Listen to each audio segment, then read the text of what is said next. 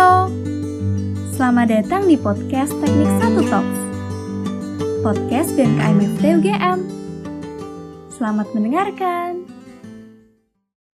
Halo teman-teman semua, selamat datang di podcast Teknik Satu Talks yang kedua. Nah, buat info-info aja nih, jadi Teknik Satu Talks itu podcastnya BMKM FT UGM.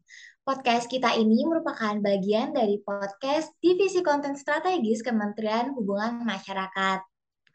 Nah, podcast ini bertujuan untuk mengedukasi dan menginformasi publik terkait isu, berita, maupun bidang keilmuan yang bersifat keteknikan maupun yang general. Jadi, untuk beberapa menit ke depan, kita akan nemenin teman-teman dengan informasi yang atraktif dan edukatif banget. Oke, by the way, teman-teman di sini udah pada dengerin podcast Teknik Satu Talks yang pertama belum ya?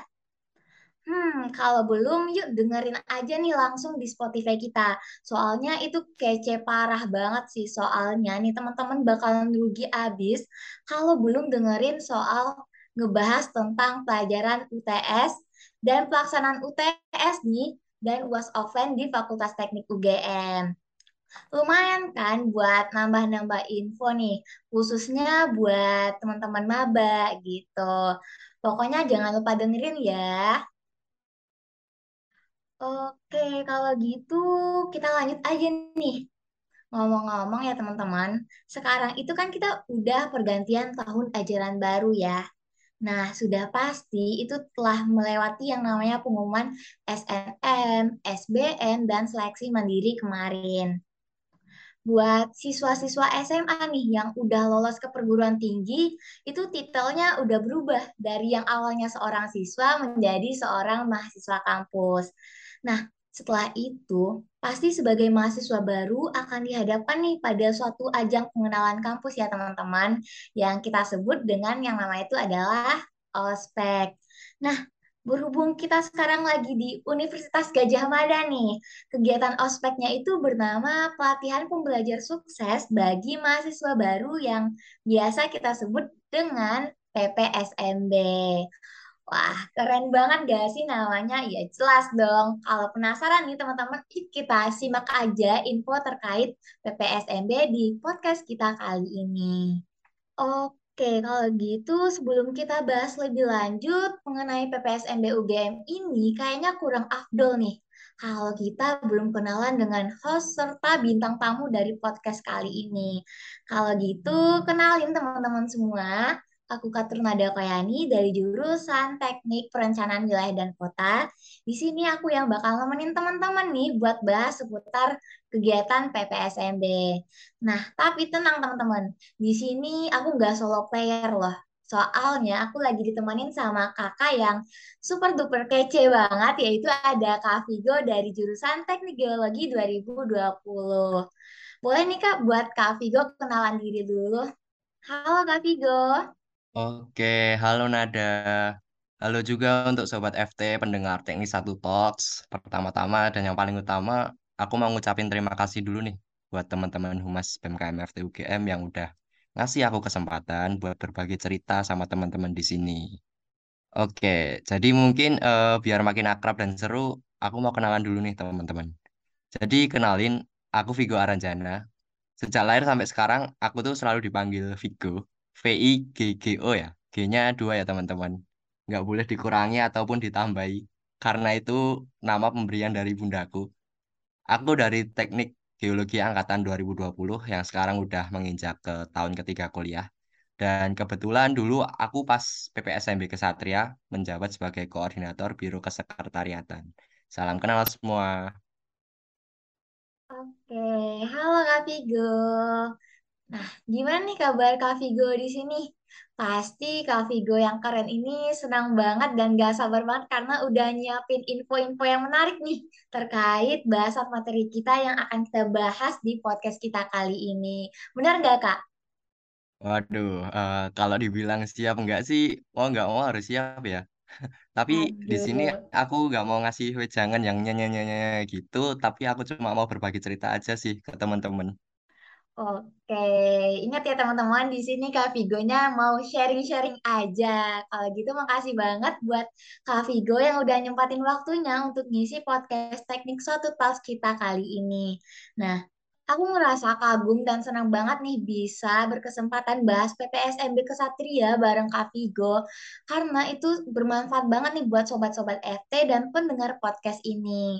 Kalau gitu karena udah kayaknya pada udah nggak sabar nih, langsung aja nih kita bahas terkait info PPSMB. Kalau gitu aku mau tahu dong Kak, info apa aja sih yang Kakak tahu nih tentang PPSMB? Menurut kakak, PPSMB itu kayak gimana sih selama kakak mengikutinya nih? Oke, PPSMB ya. Ngomongin soal PPSMB nih, pastinya semua mahasiswa UGM pernah ngalamin dong ya, waktu jadi maba, entah itu secara online ataupun offline. Karena aku juga termasuk kaum-kaum online sih.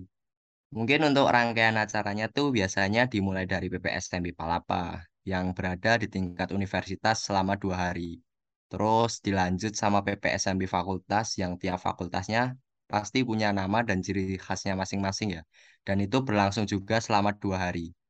Terus dilanjut lagi sama rangkaian PPSMB Palapa. Nah, tapi pasti masih banyak di sini yang belum tahu nih, apa sih singkatan dari PPSMB itu? Jadi PPSMB itu adalah singkatan dari Pelatihan Pembelajar Sukses bagi Mahasiswa Baru.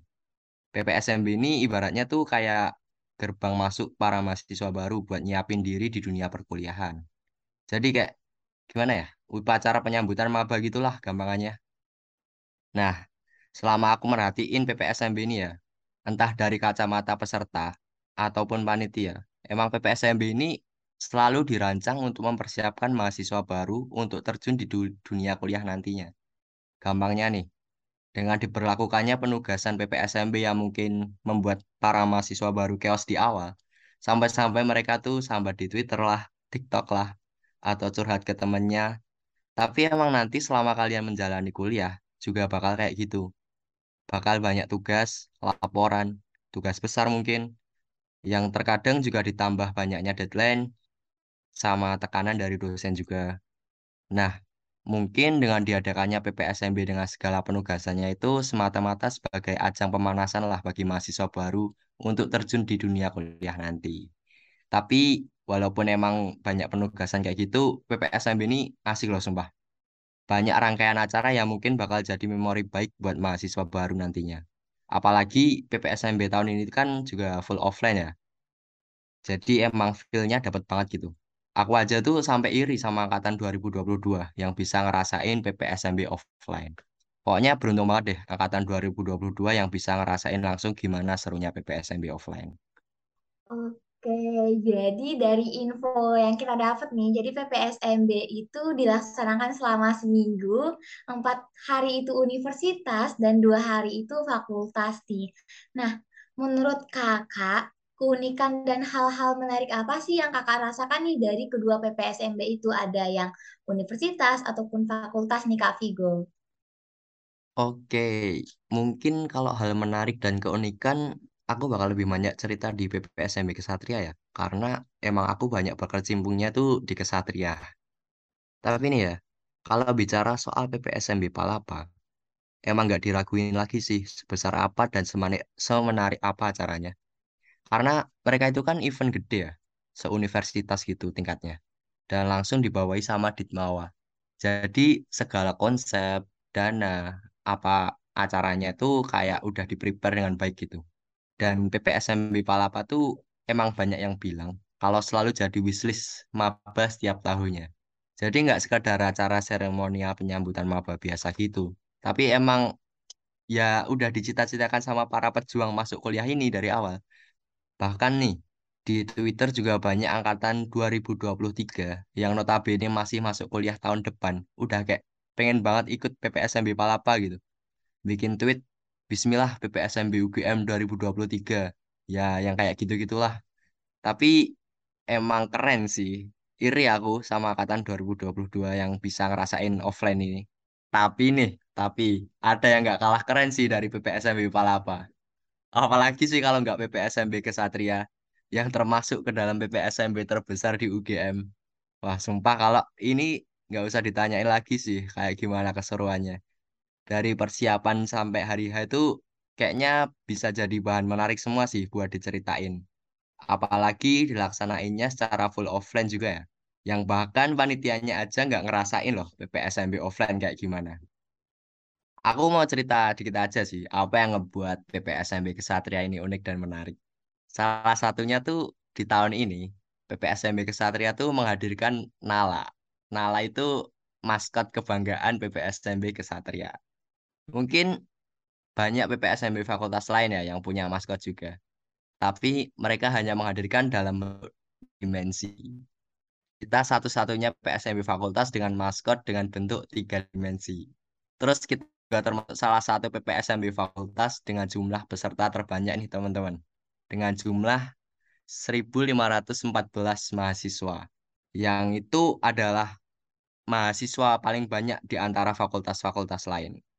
Terus kita juga menghadirkan venue baru dari PPSMB Kesatria tahun lalu, yaitu gedung SGLC, yang merupakan gedung baru yang baru saja diresmikan dan besoknya langsung digunakan mahasiswa baru untuk kegiatan PPSMB. Jadi yang mahasiswa lama aja belum ngerasain venue-nya nih.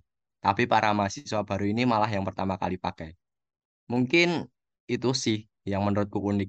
Kalau yang menarik sih semuanya menarik ya pastinya. Karena kemarin acaranya pecah banget. Oke, bener banget sih Kak. Dari yang aku lihat juga PPSMB Kesatria itu kayak keren banget. Ada kita ada maskot Nala yang tiga, yang maskot eh, tiga dimensi gitu. Terus kita juga merupakan salah satu peserta PPSMB Fakultas yang terbanyak ya Kak. Eh, mengingat eh, jumlah mahasiswa teknik 2022 kemarin itu banyak banget dan itu sekitar kurang lebih sampai seribuan mungkin ya dan yang paling penting itu kita ada kegiatan di gedung baru Fakultas Teknik, yaitu ada di SGLC ini. Kalau gitu nih Kak, berhubung ya Kakak kan menjadi salah satu panitia di PPSM eh, Kesatria. Boleh tahu nggak sih latar belakang Kakak mendaftar? eh, kenapa sih Kakak tertarik tuh gitu eh, untuk mendaftar di PPSM Kesatria ini? Oke, eh, untuk latar belakang ya. Awalnya tuh jujur ya, sebenarnya tuh awalnya tuh terjadi kekosongan kursi di bagian koordinator Biro Kesekretariatan karena ada suatu hal gitu. Nah, terus tuh aku diminta tolong tuh untuk ngisi kekosongan kursi ini sama Mas Dunung. Dunung nih koordinator umum PPSMB tahun ini ya. Nah, setelah melalui berbagai perdebatan terus, ya debat-debat terus gitu, kira-kira aku bisa nggak, bisa nggak. Terus akhirnya karena aku merasa mampu dan satu visi buat ngisi posisi itu, jadilah aku ikut ke keluarga panitia PPSMB Kesatria ini. Oh gitu toh berarti kayak hmm, alasan yang simple banget buat teman-teman karena di sini kita sama-sama bakalan dapat nambah wawasan juga ya Kak. Oke, nah berhubung PPSMB Kesatria itu kan dilaksanakannya itu secara offline ya. Nah, itu kan selama menjadi panitia PPSMB itu tentu tugas-tugas kita itu banyak banget kan ya, apalagi nih persiapannya itu dilakukan sewaktu kita lagi perkuliahan berlangsung. Gimana sih Kak cara Kakak untuk mengatur waktu supaya tugas-tugas kuliah, belajar kelompok, dan ku dan kumpul-kumpul kepanitiaan itu tetap balance gitu loh? Hmm, untuk ngatur waktu sih sebenarnya tuh tergantung pinter-pinternya kita bagi waktu aja sih ya. Yang penting sih menurutku bisa membuat skala prioritas saja sih antara kepanitiaan dan kegiatan akademik. Jadi kalau misalnya disuruh bandingin pilih kepanitiaan atau akademik, menurutku kedua hal itu bukan hal yang bisa dibandingin sih, tapi harus disandingkan. Kegiatan akademik dan kepanitiaan itu harus berbanding lurus karena emang menurutku keduanya saling berkaitan untuk kita ke depannya. Semuanya tuh kembali ke diri kita sendiri dan pinter-pinternya kita memanajemen waktu sih. Jadi ada saat di mana kita harus fokus terhadap akademik dan di satu waktu juga kita harus fokus ke kepanitiaan.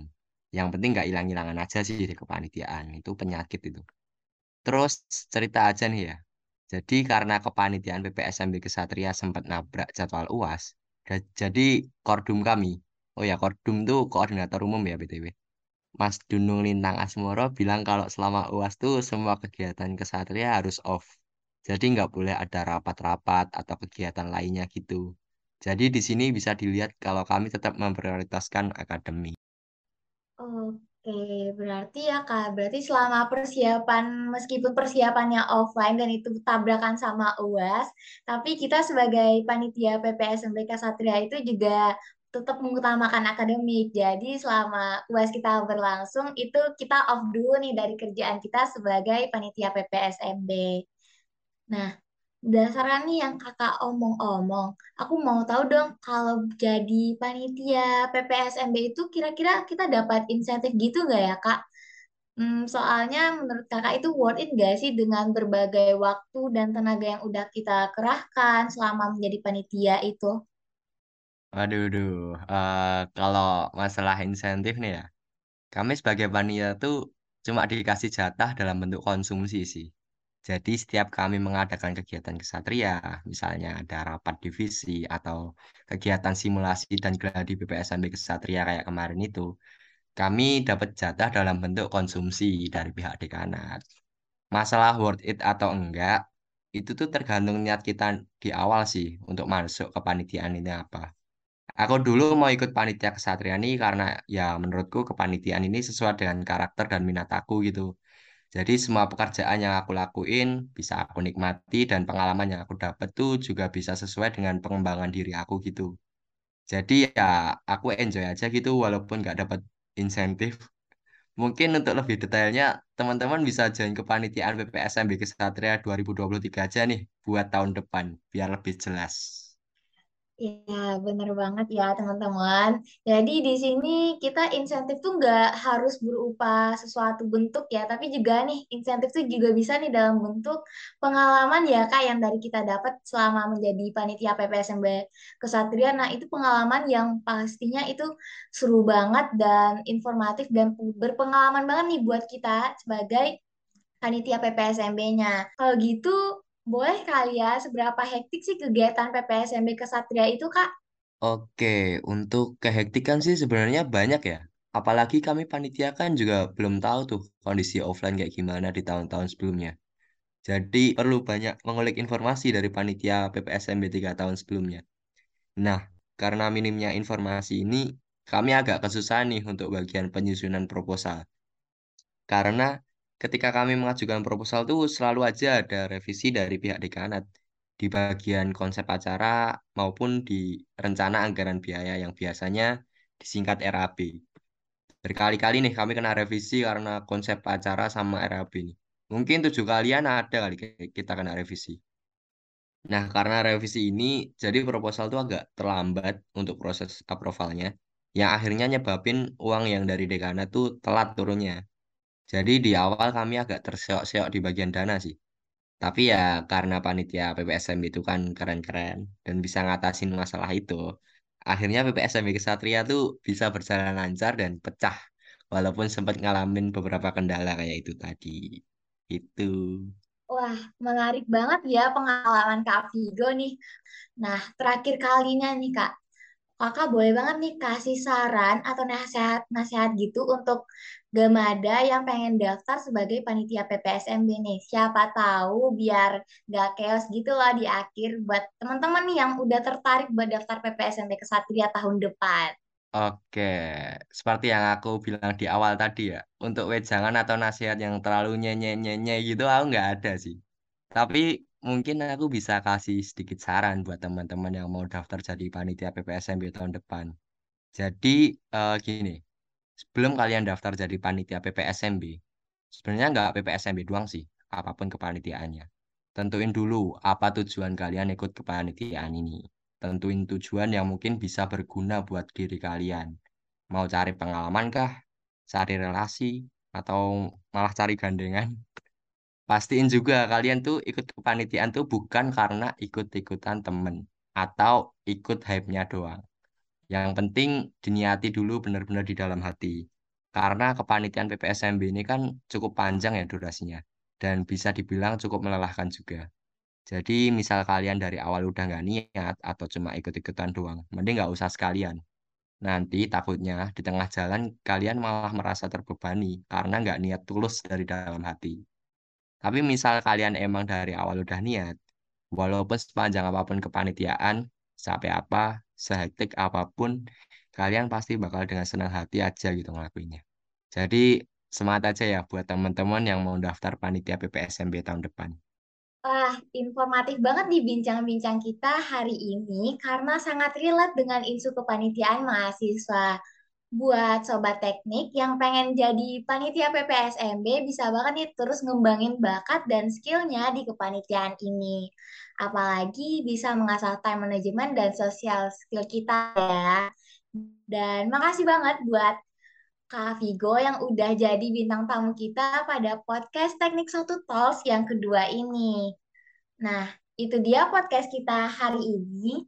Makasih banget buat teman-teman yang udah bersedia dengerin podcast ini hingga akhir. Dan jangan lupa selalu jaga kesehatan dan up to date untuk dengerin podcast kita di Teknik Satu Talks. Dan jangan lupa untuk kepoin lebih lanjut mengenai kami di IG BMKMFT UGM ya.